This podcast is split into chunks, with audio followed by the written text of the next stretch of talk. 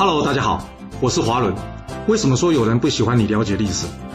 因为历史可以让你了解顶层阶级的思考方式，成为他们的竞争者，也可以让你看到许多前人成功以及失败的案例，让你的竞争对手睡不好觉。而最重要的是，历史可以让你了解人性。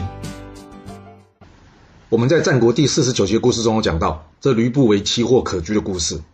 那从这中间，我们听到了什么？一位市侩的商人，最后连老婆都卖掉。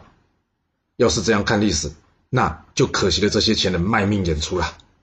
这历史不是傻狗血的连续剧啊，这里面其实隐藏了许多成功的密码。重点是，你有没有用心去了解过它？来想一想，在吕不韦之前，有多少有钱人见过这位落难的秦国王孙啊？明白了吗？其实机会一直都在，然而普通人呢，只是使用资源，所以无法看到机会。而富人呢，却可以整合资源，甚至是创造资源，进而掌握机会啊！并不是所有富人的思维都是天生的。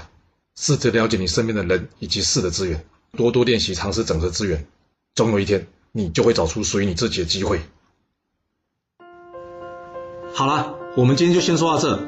若是你想要知道完整版的故事内容，欢迎您可以到说明栏中找到我爱故事频道的连结。要是你喜欢这个频道，还要麻烦您动动你的手指，点赞、订阅、追踪。